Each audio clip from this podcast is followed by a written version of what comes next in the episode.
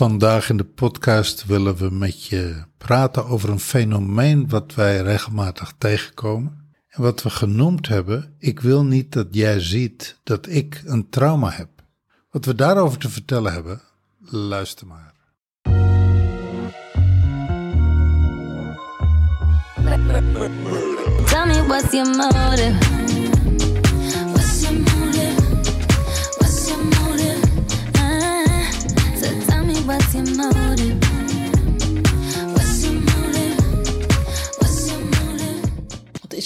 Trauma? Als je kijkt naar eh, hoe de psychologie dat beschrijft, dan zegt de psychologie letterlijk. In de psychiatrie en in de psychologie wordt de term trauma gebruikt wanneer iemand in een schokkende gebeurtenis blijft steken.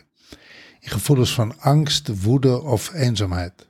De gebeurtenis is in dat geval zo ongewoon pijnlijk, schokkend of extreem dat het niet lukt om ermee om te gaan.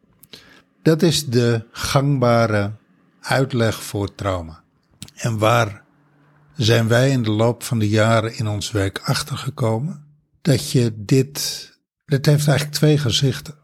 Dit heeft een acuut gezicht, dus trauma wat hier op dit moment in, in, in op latere leeftijd ontstaat. Op je dertigste, op je 35ste, op je veertigste. Maar dat er ook zoiets is als early child trauma. Of wat je ook zou kunnen zeggen, innerlijk kindtrauma. En dat zijn gebeurtenissen die uh, zijn al lang voorbij. Die zijn gebeurd in je kindertijd. Echt gebeurtenissen waarvan je, als je daar sec naar kijkt als volwassene, dat je denkt van, nou, valt toch reuze mee. Waar gaat dit over? Zo erg is het toch niet? Maar die je als kind hebt ervaren op een manier waar en dat klopt wel als, als je kijkt naar de omschrijving van, van trauma. Wat we hebben ontdekt is dat er altijd een pijn, een schrik of een angstcomponent aan een herinnering zit. Ja. En wij noemen dat een geladen herinnering. En een geladen herinnering zet zich vast in je lijf, zet zich vast in je celherinnering. En die knalt eigenlijk iedere keer dwars door alles heen op het moment dat die getriggerd wordt. En die wordt redelijk makkelijk getriggerd. Dus er lopen heel veel mensen rond die eigenlijk uh, een heel klein duwtje nodig hebben, een heel klein triggertje nodig hebben om zo'n oud trauma geactiveerd te krijgen. En dat is. Om op zo'n bermbom uh, uh, terecht te komen. Ja, en dat, en dat gebeurt miljoenen mensen honderden keren per dag, zonder dat ze er erg in hebben dat dat oud trauma is. Maar dat is eigenlijk, ik, ik zit even naar je te luisteren en, um, en ik moet ineens denken aan innerlijke onveiligheid. De definitie die wij gesteld hebben voor innerlijke onveiligheid.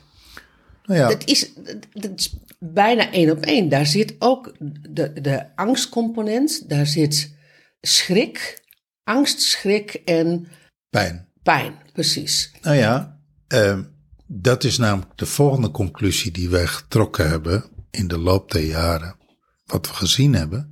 Op het moment dat het oude trauma, zeg maar, wordt aangeraakt, ontstaat er altijd ter plekke ook innerlijke onveiligheid. Ja. En innerlijke onveiligheid is eigenlijk een soort bevriezing van emotie.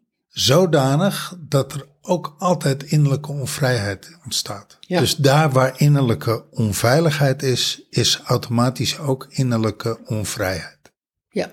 En daar kom je in het gevoel van vastzitten. Daar kom je in het gevoel van ik, ik kan niet verder. Ik heb geen bewegingsruimte.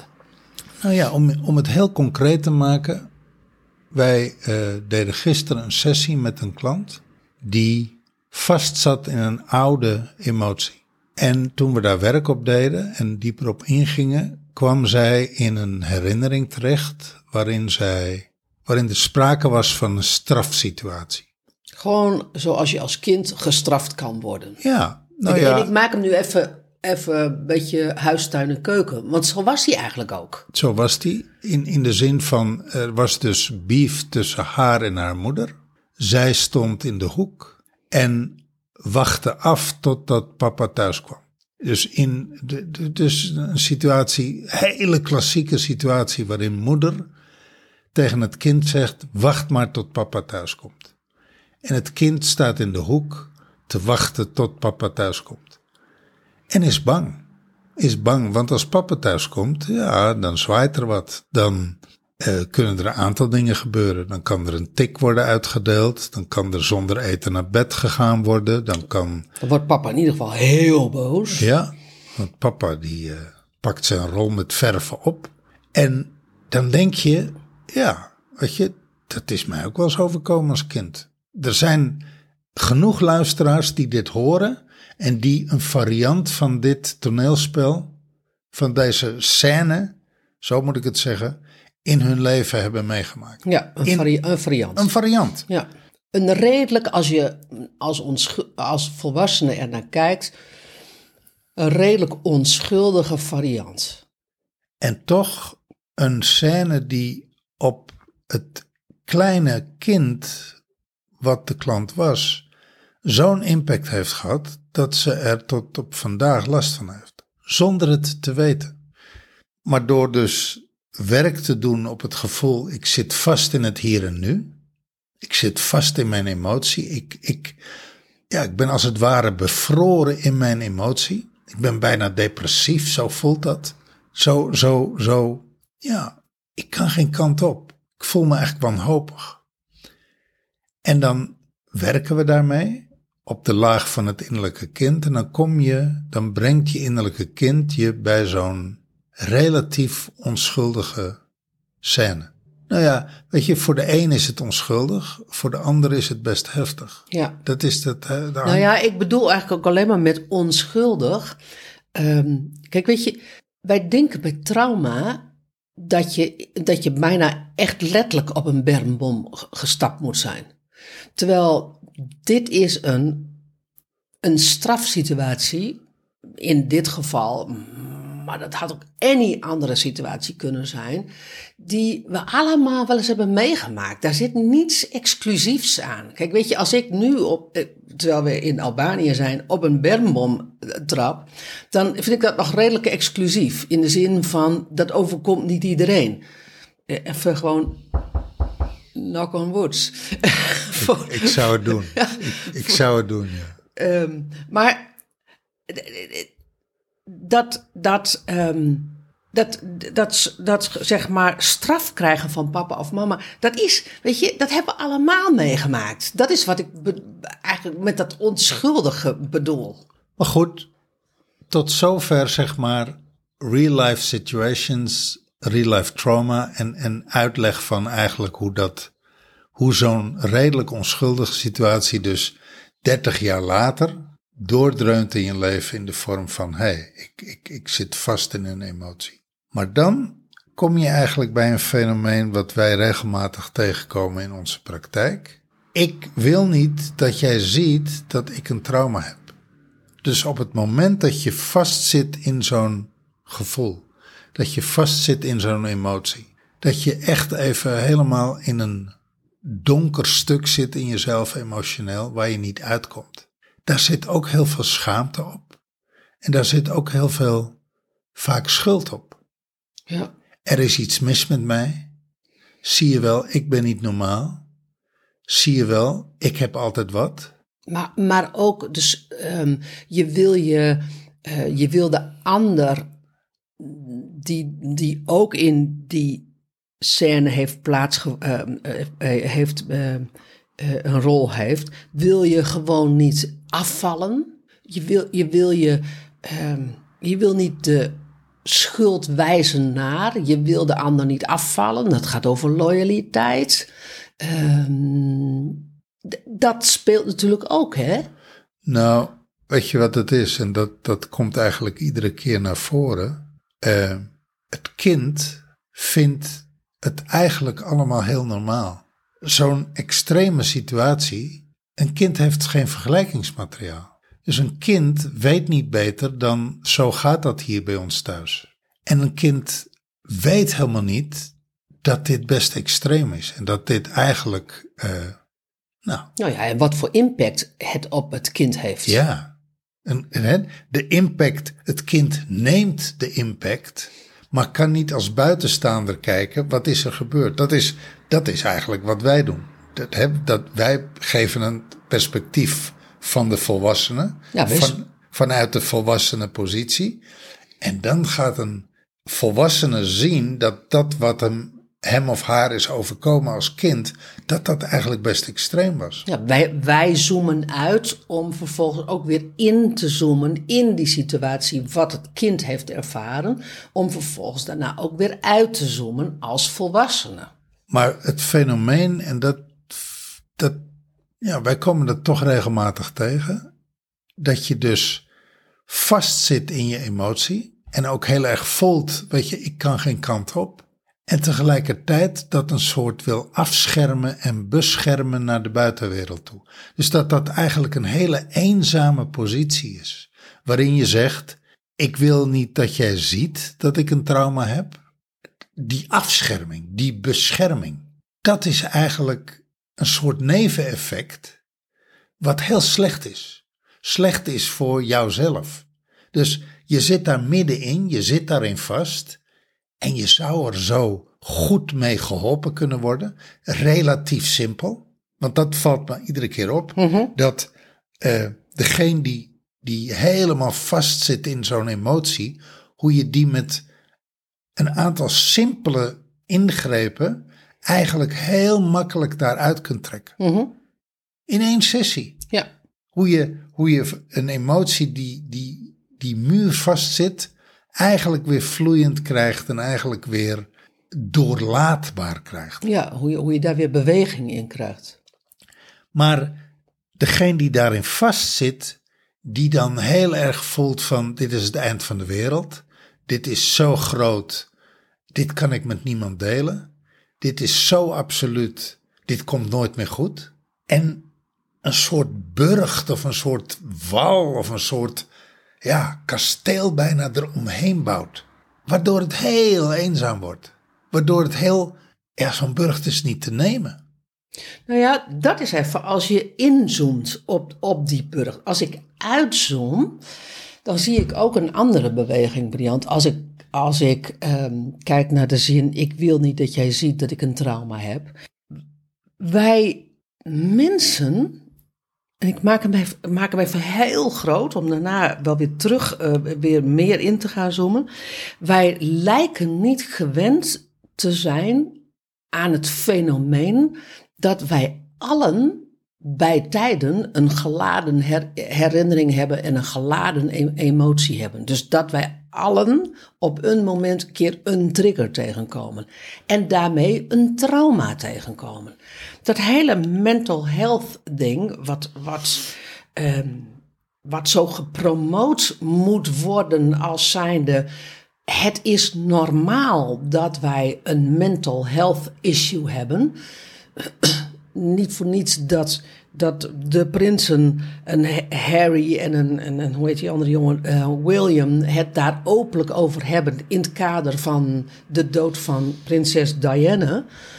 Ehm, en, en in Nederland hebben we, hebben we weer andere voorbeelden waarin Maxima het over haar zus heeft en waar onze koning het over, eh, nee, niet over zijn broer, dat is, dat, is een, dat is een ongeluk. Maar in ieder geval. Eh, Nou, of dat een trauma is. maar dat is bij hem natuurlijk wel een, een, een trauma. Maar waarin er dus over gesproken mag worden en waarin er openlijk op tv ehm, emoties gezien mogen worden. Ehm, en ik begrijp ook wel dat ze dat niet in compleet snikken uitbarsten en dat het, dat het ergens functioneel gehouden moet worden voor ehm, eh, het event waar ze op dat moment zijn. Maar als Ehm, als een, een, een, een, Maxima zegt van ja, maar ehm, eh, hoe heet die oudste? A- Amalia eh, heeft ook wel eens gesproken met een psycholoog in het kader van, van de dood van mijn zusje.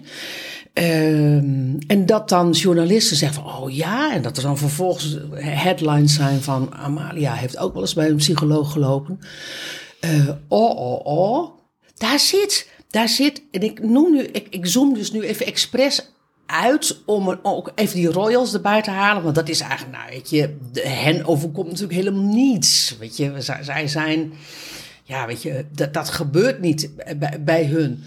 Het gebeurt alleen bij echte mensen. Het gebeurt alleen bij stervelingen, zoals het, zo, zoals het dan eh, gezegd wordt. Maar zelfs die stervelingen, die hebben het, er- het er niet over. Ehm, ga, maar, ga maar na. Ga maar tegen je, je, je moeder zeggen. Ga maar tegen je vader zeggen. En als ze, niet, ehm, en als ze, ehm, en als ze overleden zijn, denk maar dat ze er nog waren. En je zou zeggen van... Hé hey mam, hé hey pap, hebben wij hier, heb jij eigenlijk een trauma? Heb, is er hier een trauma in de familie? Nou, dan wordt er heel snel gezegd van... Nou kind, eh, nee, nee, dat heb ik helemaal niet. En eh, hoezo? Is hier dan een trauma? Wa- Wat is hier dan aan de hand? Met andere woorden, er zou geen enkele trigger in any family zijn. Er zou geen enkele trigger bij, bij any mother, any father zijn. Hallo, dat geloof je toch niet? Nou ja, en, en dan heb je het alleen nog over de hele grote, hele significante issues. Precies, er is namelijk geen vader, er is geen moeder die ooit straf van, van, van zijn of haar vader of moeder heeft gehad. Helemaal nooit. Er is geen vader en geen moeder die met een innerlijk kind die een keer geschrokken is, die een keer pijn heeft gehad. Tuurlijk niet, zouden we dan zeggen. Ik, even Zoom uit, zoom uit, zoom uit. Opa en oma hebben ook helemaal nooit pijn, pijn of schrik Hebben, hebben, ook, hebben de oorlog ook niet meegemaakt. Nee, oorlog? Nee, dat was ergens anders. Dat was niet bij mijn, bij mijn opa en oma. En als ze in oorlogsgebied wonen, dan, dan zaten zij in een bubbel waar het niet plaatsvond. Hallo? En ik noem dat expres.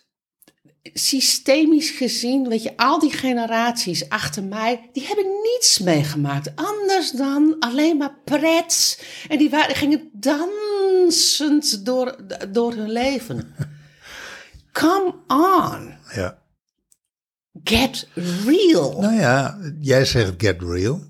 Eh, ik kom nog iedere dag tegen, als ik op LinkedIn ben, dat er een LinkedIn-politiebrigade is die zegt: wij moeten emoties weren van LinkedIn. LinkedIn is een zakelijk platform en er is hier geen ruimte voor emotionele shit.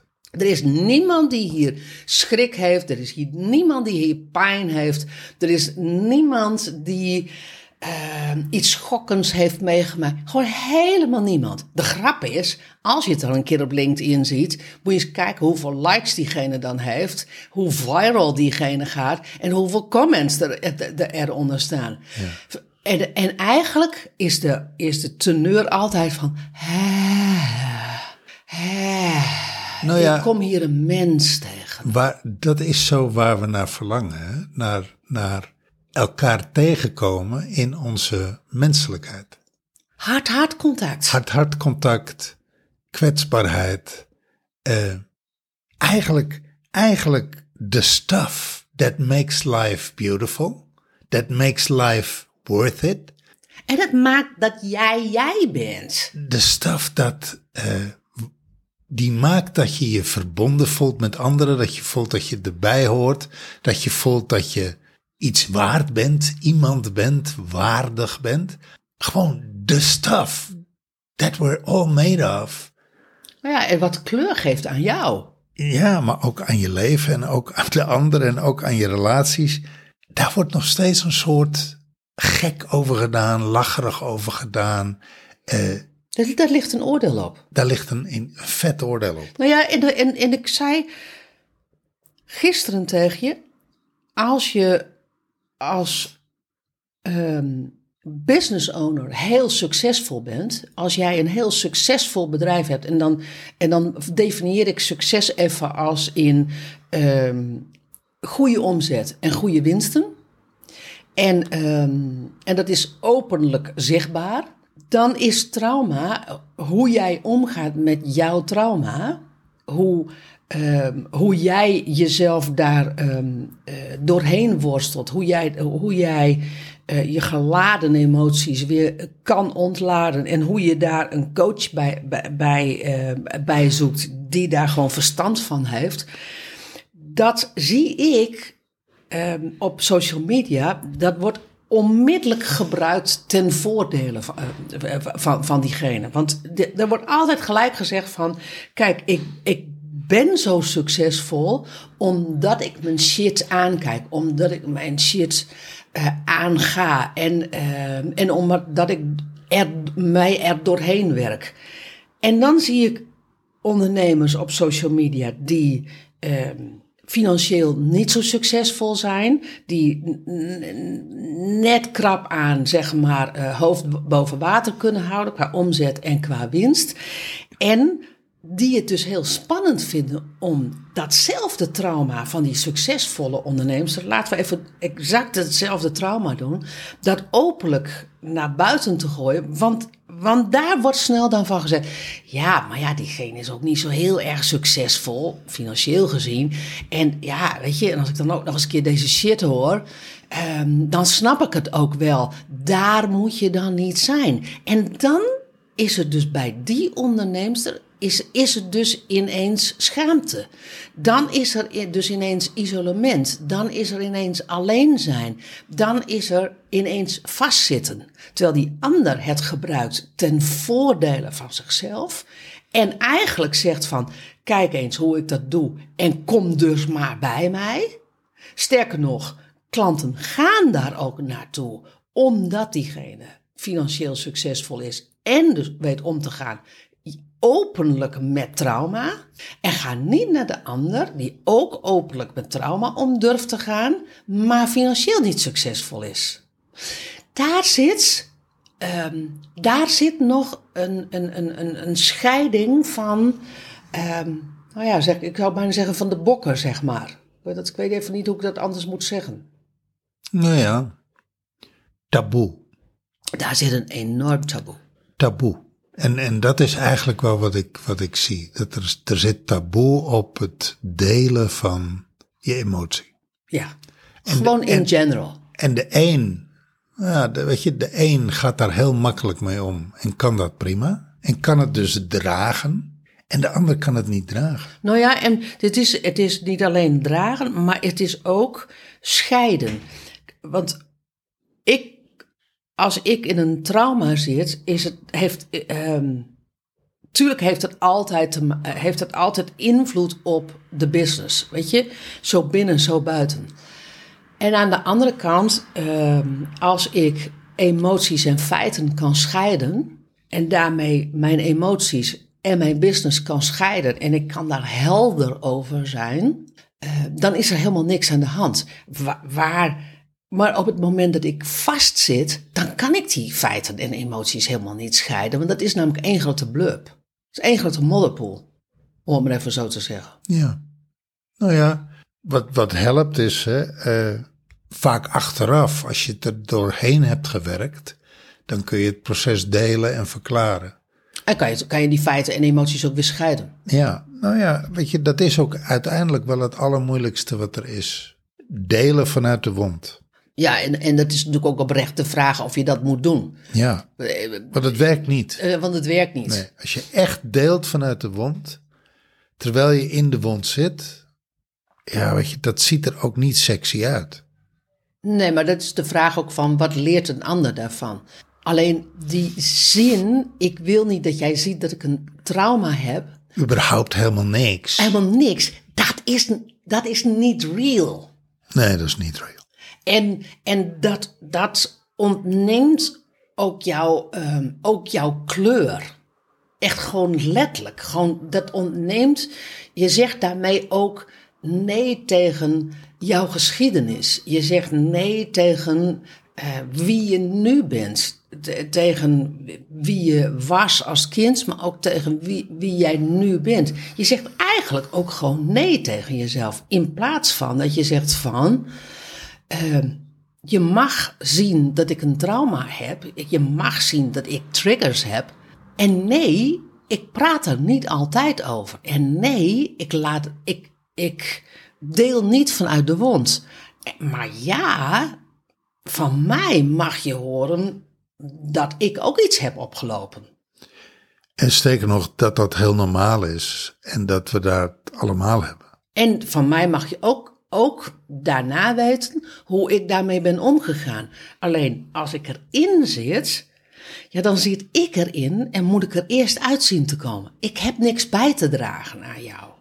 Maar neem niet weg dat ik wel een mens ben met triggers. Dat ik wel een mens ben met mijn trauma's. Zoals jij een mens bent met jouw trauma's. That's it. Nou ja, nu is de vraag, hè? Als je nou deze podcast hebt eh, beluisterd, ben jij een strong believer van de zin: ik wil niet dat jij ziet dat ik een trauma heb, waardoor jij de zin ook inhaleert van: ik wil niet dat ik zie dat ik een trauma heb, of ben jij een believer dat je zegt van: oké, ik weet dat ik een trauma heb. En ik weet ook dat ik met mijn triggers, met mijn trauma om moet gaan, omdat ik daar zelf een beter mens van word, maar ook omdat mijn business daar beter van wordt. Dat ik daarin, dat ik mijn greatness kan ownen en kan leven in alle gebieden van mijn leven. Als je nou tot die laatste categorie hoort en je zegt van ik heb wel hulp nodig bij mijn trauma's, dan zijn we er voor je. Want dat is ons werk. Het enige wat je hoeft te doen is dat je uit je isolement gaat en dat je een uitreikende beweging naar ons maakt en zegt van hey, let's talk.